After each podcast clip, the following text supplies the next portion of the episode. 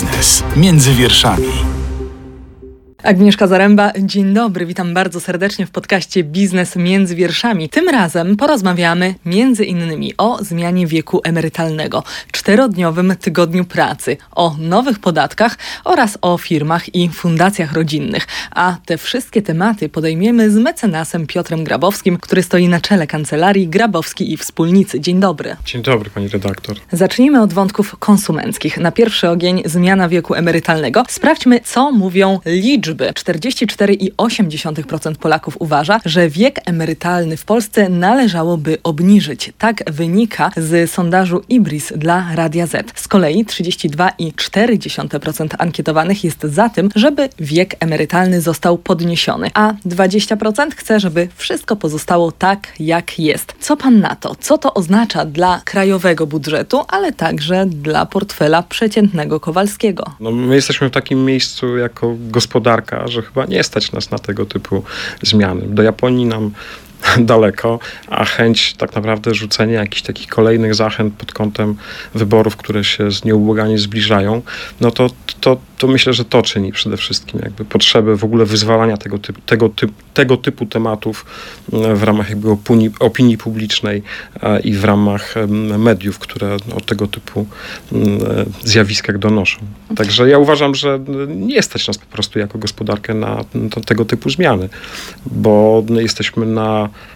Raz, że w ramach takiej pełzającej recesji, która stety, niestety pewnie jeszcze będzie przez czas jakiś trwała i jak się to skończy w perspektywie kolejnych miesięcy, to trudno jest nam powiedzieć. Mm, natomiast no, dzisiaj to powinniśmy wszyscy bardzo ciężko pracować, żeby to była właśnie taka pełzająca recesja, a nie recesja z prawdziwego zdarzenia. A tego typu jakby zmiany, no to niestety wpływają tylko i wyłącznie na to, że mm, czy konsumenci, czy prywatni przedsiębiorcy będą musieli do biznesu dokładać. No właśnie, porozmawiajmy teraz o liczbach i o konkretach. Z czym wiąże się takie obniżenie wieku emerytalnego? No, wiąże się przede wszystkim z większymi jakby kosztami dla budżetu państwa, a co z kolei przełoży się na chęć zaczerpnięcia nowej porcji cashu od przedsiębiorców czy od konsumentów. No, to jest, pani redaktor, system naczyń zamkniętych. No. Z, pustego, i, z pustego w próżnej Salomon nie, nie przeleje i tutaj niestety mamy do czynienia z tym samym zjawiskiem. No jeżeli będzie więcej emerytów, którym trzeba będzie wypłacać mm, określone jakby wypłaty z budżetu państwa, no to tym samym będziemy musieli znaleźć gdzieś na to pieniądze i to jest niestety tak jak powiedziałem, system naczyń powiązanych. Znalezienie gdzieś tych pieniędzy to jest jedno, ale drugie wyjście, czy istnieje takie ryzyko, że w takim razie ta wysokość emerytur będzie obniżona? Będzie, no zakładam, że to jest jeden jakby z, z, z elementów, który może e, jakby wpłynąć na mm, realizację tego typu mm, zapędów. Natomiast no, na pewno na dzień dzisiejszy, jak jesteśmy w przeddzień wyborów, to raczej tego typu e, sytuacja nie nastąpi, czyli trzeba będzie te pieniądze znaleźć znaleźć gdzieś indziej. Eksperci mówią, że obniżenie wartości świadczeń z ZUS to z biegiem czasu nieunikniona droga. No ale z drugiej strony jest przecież waloryzacja emerytur, są wypłacane trzynastki, czternastki. Skąd wziąć na to wszystko budżet? Z pustego w różnej Salomon nie, nie przeleje. Te pieniądze muszą się gdzieś znaleźć i albo się to robi w nader prosty sposób, czyli to drukuje się tak naprawdę pieniądze bez pokrycia, albo trzeba te pieniądze skądś pociągnąć. A no, takim idealnym podmiotem, który można obciążyć, to są przedsiębiorcy, w szczególności firmy rodzinne. No bo jeżeli mówimy o spółkach Skarbu Państwa, to obrót tego pieniądza jest w ramach, powiedzmy sobie szczerze, jakiejś jednej organizacji powiązanej ze Skarbem Państwa. Natomiast no, uważam, że najbardziej dotkliwe będzie to dla konsumentów i potencjalnie właśnie dla firm prywatnych, które na tym rynku funkcjonują. System emerytalny tworzymy na długie lata. Nie tylko dla siebie, ale także dla naszych dzieci, dla naszych wnuków. Czy myśli pan, że politycy pamiętają o tym w tym okresie przedwyborczym? Mam trochę wrażenie takie, że jest oczywiście wielu mądrych polityków, którzy no, o tym wiedzą. Zakładam, że Ministerstwo Finansów składa się również z, z mądrych ludzi, tylko niestety e, przeważa trochę inna korzyść, którą w krótkiej czy krótkoterminowej perspektywie e, ktoś chce jakby zrealizować. E, ja sam byłem przez wiele lat urzędnikiem państwowym, pracując w, w, jednym, w jednym z, z urzędów i każdy z nas miał świadomość tego, co robi, dlaczego to robi. Czy to w kontekście legislacji, którą, nad którą pracowaliśmy, e, czy w kontekście akurat spółek giełdowych, z którymi na bieżąco współpracowaliśmy, chociażby w kontekście prospektów emisyjnych. Świadomość urzędnika wyspecjalizowanego jest wysoka. Ja uważam, że tutaj przemawiają za tym trochę inne e, względy, jeżeli mówimy o tych wszystkich propozycjach, o których pani wspomniała. Posłowie Lewicy złożyli w Sejmie projekt ustawy, która ma skracać tydzień pracy do czterech dni. No i teraz tak, co to oznacza dla polskiej gospodarki, ale także dla samych pracowników? Znowu wracam do przykładu Japończyka i, i Japonii, który, gdzie, gdzie, ta praca jest, jakby etos pracy e, jest. Ja uważam, że nas po prostu na tego typu zabiegi nie stać. Owszem, zachodnioeuropejskie gospodarki coraz częściej występują z tego typu e, jakby pomysłem. Mówi się i są na ten temat badania, że e, bardziej intensywna praca powoduje jakby lepsze efekty. Natomiast no, uważam, że nas po prostu tak samo jak na obniżenie wieku emerytalnego, tak samo na czterodniowy tydzień pracy po prostu nie stać. Tym bardziej, że z tego, co się mówi, to miały być to mechanizmy, które nie wiążą się z obniżeniem jednocześnie wynagrodzenia, więc pytanie, co na to oczywiście przedsiębiorcy, którzy poszczególne osoby zatrudniają. Nie są zachwyceni, wręcz oficjalnie już te e, stowarzyszenia, instytucje zrzeszające pracodawców, e, jeszcze ten e, projekt nie przeszedł, ale już są głośne sprzeciwy. Nie no, pani redaktor, w ogóle pandemia zmieniła świat i to jest jakby pewnikiem, tak? Czy to w zakresie pracy zdalnej, czy w zakresie chociażby odbywanych spotkań. Ja sam z własnego doświadczenia wiem, że jeżeli już mam nawiązaną relację z, z moim klientem, to pewnie większość spotkań z nim odbywa się w trybie online przez jakąś tam aplikację.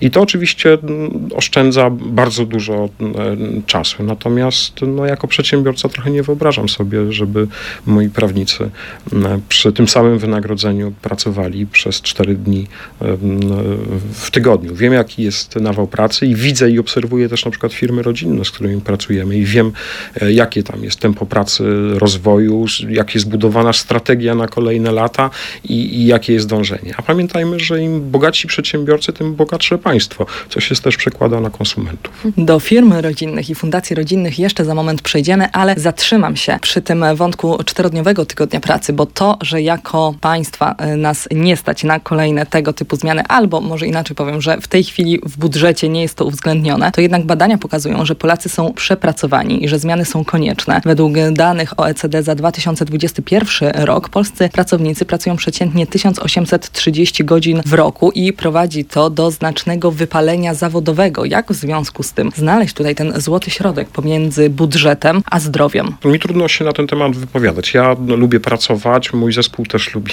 pracować i, i ja myślę, że do wypalenia zawodowego jeszcze mi bardzo daleko daleka. Czasami spędzam w kancelarii i 12 godzin. No, pewnie znalezienie złotego środka to jest bardzo indywidualne i zależne od też e, konkretnej osoby. No, etos pracy 40-kilkulatka jest trochę inny niż etos pracy 20-kilkulatka i pewnie nic z tego już mm, nie zmieni. To, to jest kwestia mm, poszczególnej osoby, poszczególnego pracownika i jego problemów, wyzwań, budowania swojej strategii na, na życie i pomysłów na, na to życie. Ja widzę, jak przychodzą do mnie prawnicy na casting w ramach kolejnego na, naboru i, i jak się uwypuklają te różnice w zależności od wieku i, i, i, i oczekiwań. Tak. Przejdźmy teraz do nowej daniny, bowiem zaczęły się takie nieoficjalne konsultacje dotyczące wprowadzenia nowego podatku od nadmiernych zysków firm naftowych i węglowych. Nowa danina mogłaby dosięgnąć kilku polskich podmiotów i ich spółek zależnych. Czy to może oznaczać dla nas wyższe rachunki?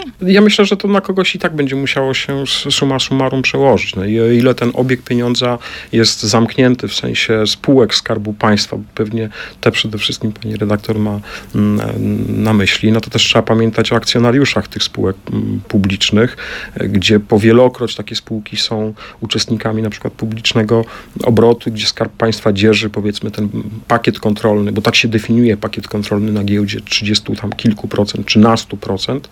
E, I, no i, i pytanie, jak interes tych akcjonariuszy będzie za, jakby zaspokajany poprzez ograniczoną chociażby dywidendę w związku z, z, z nowym podatkiem. Ale też powinniśmy pamiętać jeszcze o, o jednej sferze. Wśród Polaków, wśród polskich przedsiębiorców są takie podmioty prywatne czy firmy rodzinne, które, których obroty również sięgają miliardów złotych i mm, patrząc jakby na te wstępne zapowiedzi co do tego nowego podatku, pewnie one też by się łapały na, na ten właśnie podatek. Więc e, ja jestem zwolennikiem takiej teorii, w świetle której bogacenie się polskich przedsiębiorstw powoduje, że również państwo się bogaci i, i lepiej jest również pracownikom, konsumentom.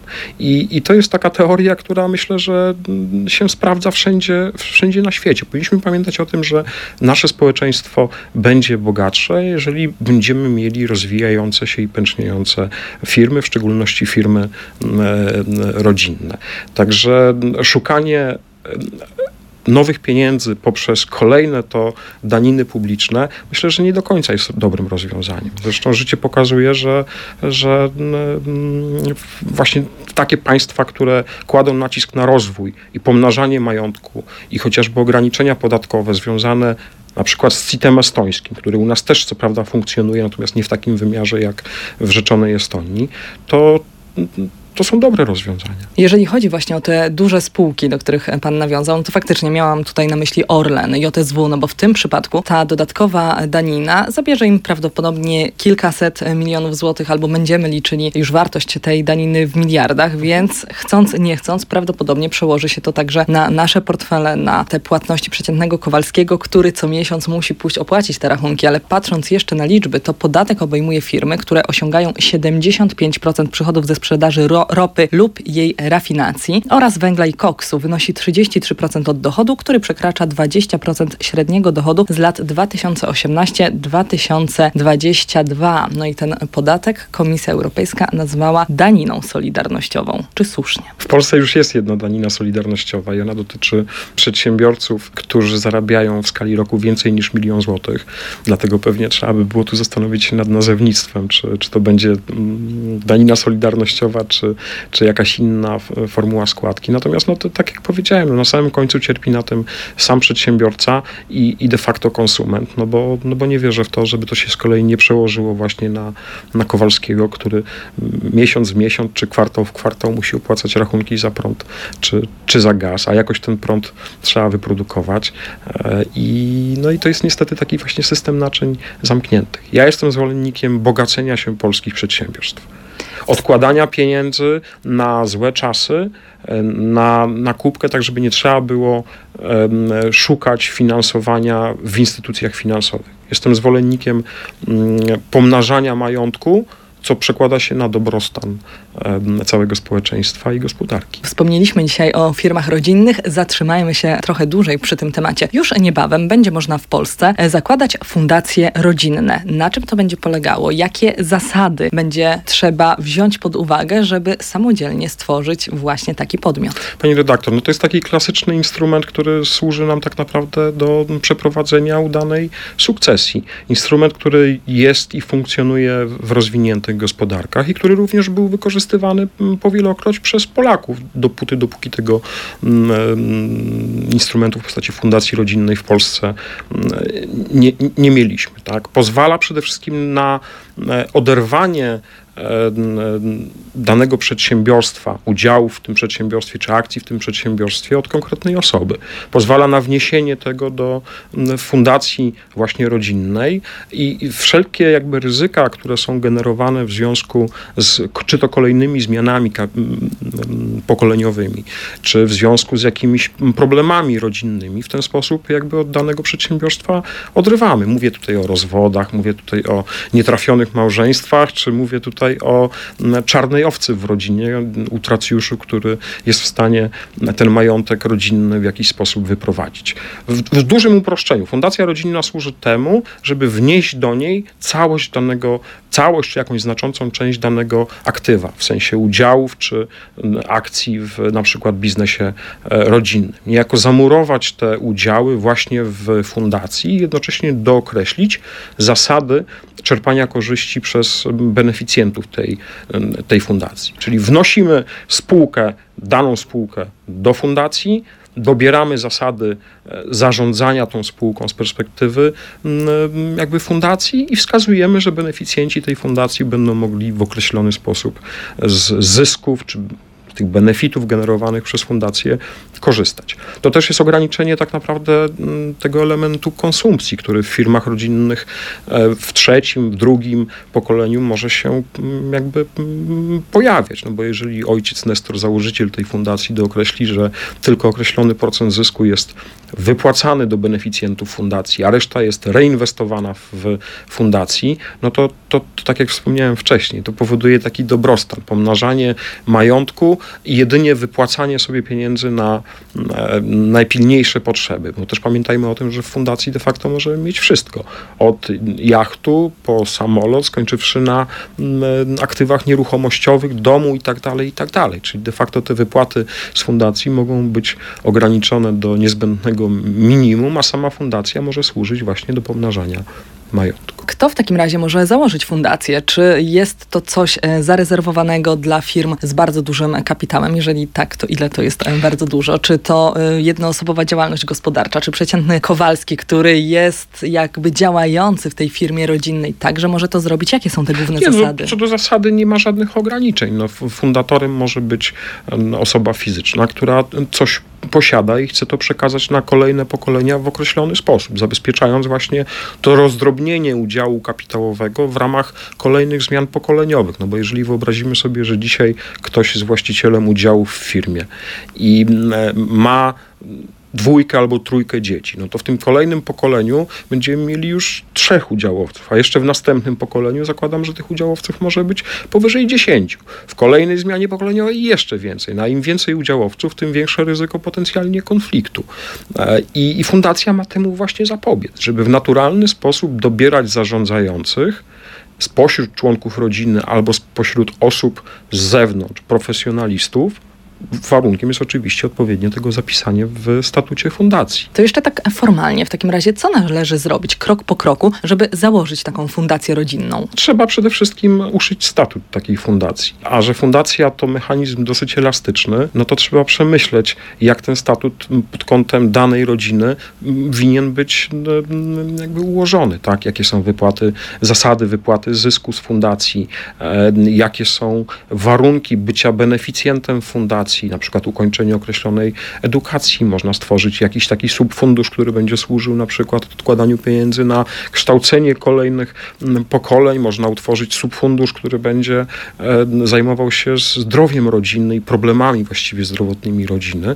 To są takie rzeczy, nad którymi moi klienci na co dzień, na co dzień myślą. A czy to jest droga sprawa? Jakie są realne koszty założenia fundacji rodzinnej, no i jej dalszego, późniejszego prowadzenia? Ja myślę, pani redaktor, że te koszty nie są jak jakieś bardzo, bardzo wysokie. Dzisiaj również nie są wysokie koszty założenia fundacji e, z, za granicą. Oczywiście nie każdy się o to pokusi, natomiast jeżeli miałbym w jakiś sposób to kwantyfikować, to pewnie koszt założenia fundacji zagranicznej um, to jest pewnie okolice może 50 tysięcy euro. Ja zakładam, że e, koszt założenia takiej fundacji w Polsce będzie wyrażony w złotym polskim, czyli pewnie to będzie około 50, 60, może 70 tysięcy złotych. No pewnie biznes musi e, zarobić na tą strukturę, no bo to, to, to nie jest tak, że tworzymy jakieś kolejne struktury holdingowe, które niczemu nie służą. One mają służyć zabezpieczeniu jakby interesu kolejnych pokoleń i braku właśnie tego rozdrobnienia kapitałowego. Natomiast przede wszystkim trzeba pamiętać o tym, że, no, że to ma być struktura, na którą się zarabia. Także to, to nie jest na pewno struktura dedykowana pod mały biznes, Natomiast e, myślę, że to, że fundacja rodzinna będzie w Polsce, spowoduje, że wiele średnich biznesów a nawet dużych, w końcu zdecyduje się na to rozwiązanie. Gdzie ograniczeniem było na przykład założenie fundacji za granicą. No bo to jest jakaś bariera językowa, e, to jest jednak powierzenie swojego majątku na rzecz administratorów, którzy są na Malcie, w Liechtensteinie, w Luksemburgu i tak dalej, i tak dalej. No to, to, to, to jest taka bariera mentalna, czy była taka właściwie bariera mentalna. Mam wrażenie, że w, w Polsce będzie prościej. A w takim razie jakie prawa i obowiązki mają beneficjenci Fundacji Rodzinnej i kto to jest taki beneficjent? Beneficjentem, beneficjenta można z, jakby zdefiniować w różny sposób. Można wskazać, że jest to osoba pochodząca w linii krwi od założyciela firmy, ale na przykład też osoby, które są przysposobione przez członków rodziny. Ważne jest to, że można tego beneficjenta zdefiniować w sposób taki trochę hipotetyczny, tak? Czyli można powiedzieć, że każda osoba, która się narodzi w ramach linii krwi, tym beneficjentem będzie, tak? E, można również jako beneficjentów wskazać osoby spoza najbliższego grona rodziny. I, I, tu właściwie jest dowolność. Znaczy, tak jak powiedziałem, statut fundacji jest bardzo elastycznym instrumentem, e, ale to oznacza również, że doradcy, którzy przy tym pracują i rodzina, która pracuje nad mm, statutem fundacji, winna się 10 razy zastanowić nad każdym zapisem, który w tym statucie się pojawi. To nie jest tak jak w spółkach prawa handlowego, że mamy jakąś ramę wytyczoną przez kodeks spółek handlowych.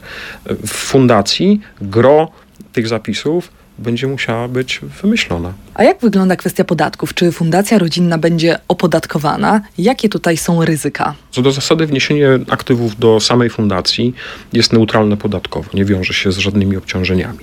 Fundacja jako taka podatku dochodowego też nie płaci. Czyli to jest taki naturalny jakby mechanizm do tego, żeby pomnażać majątek w ramach fundacji. Natomiast wypłata na rzecz beneficjentów fundacji to będzie 15% podatek CIT, Natomiast dodam istotną rzecz. Wypłata na rzecz beneficjentów pochodzących z danej rodziny.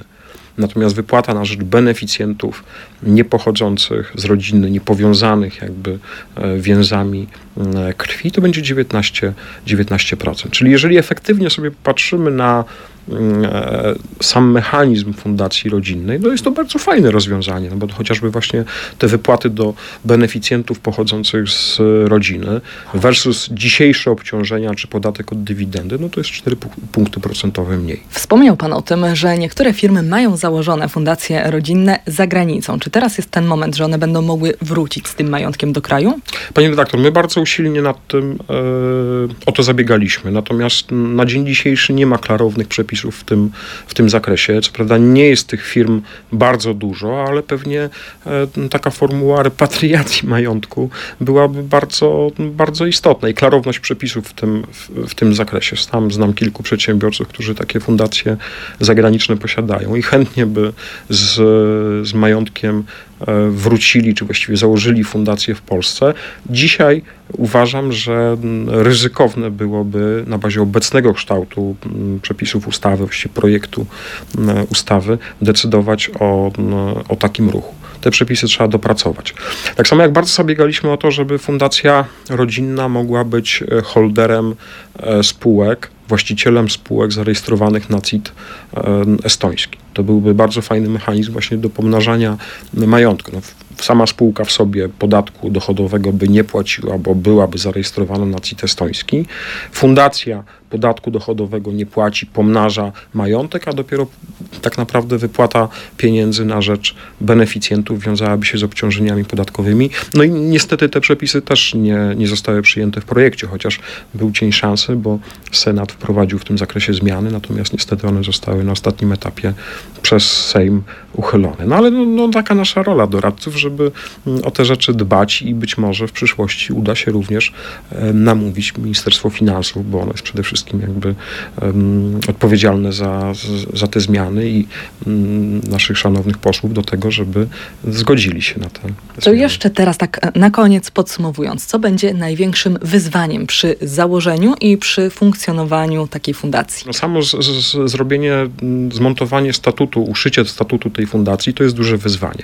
I my szczerze powiedziawszy to mamy takie firmy rodzinne, które co prawda ustawy jeszcze nie ma i nie wiadomo było jeszcze dwa czy trzy miesiące, czy on, żona rzeczywiście będzie. E, już zaczynały pracę nad, nad treścią tego statutu. Mamy dobre rozwiązania czy wzorce zaczerpnięte z, z innych fundacji, chociażby zagranicznych, nad którymi mm, pracowaliśmy. I to trochę na zasadzie właśnie takiego kazusu, który przekładamy z rodziny na rodzinę, e, trzeba będzie nad tym statutem się z, jakby zastanawiać. I, I, wszystkie te rzeczy, które w, w, ramach rodziny się jakby pojawiają, te problemy, które w ramach rodziny się pojawiają, mitygować odpowiednimi zapisami. I, i myślę, że to jest największe wyzwanie, bo sama logistyka, zarejestrowanie mm, fundacji, obsługiwanie jej od strony prawnej czy, czy podatkowej, no to zakładam, że to są rzeczy, które się powierza profesjonalistom. Tak jak firma rodzinna prowadzi biznes i, i tym biznesem na co dzień się e, zajmuje i wie, co robi, tak samo będą ludzie pewnie od tego, którzy tymi fundacjami będą od strony prawno-podatkowej się zajmowali. Do tego tematu będziemy jeszcze wracać w najbliższym czasie. Bardzo serdecznie dziękujemy Państwu za uwagę. Ja zachęcam do wysłuchania także innych odcinków podcastu Biznes między wierszami, który znajdziecie na playerze Radia Z, w naszych aplikacjach podcastowych na stronie internetowej radioz.pl i zachęcam do oglądania tych wywiadów na kanale YouTube Radia Z. A już teraz bardzo serdecznie dziękuję za bardzo, dzisiejsze spotkanie. Mi jest bardzo miło i też dziękuję. Biznes między wierszami. Więcej podcastów na player radioz.pl.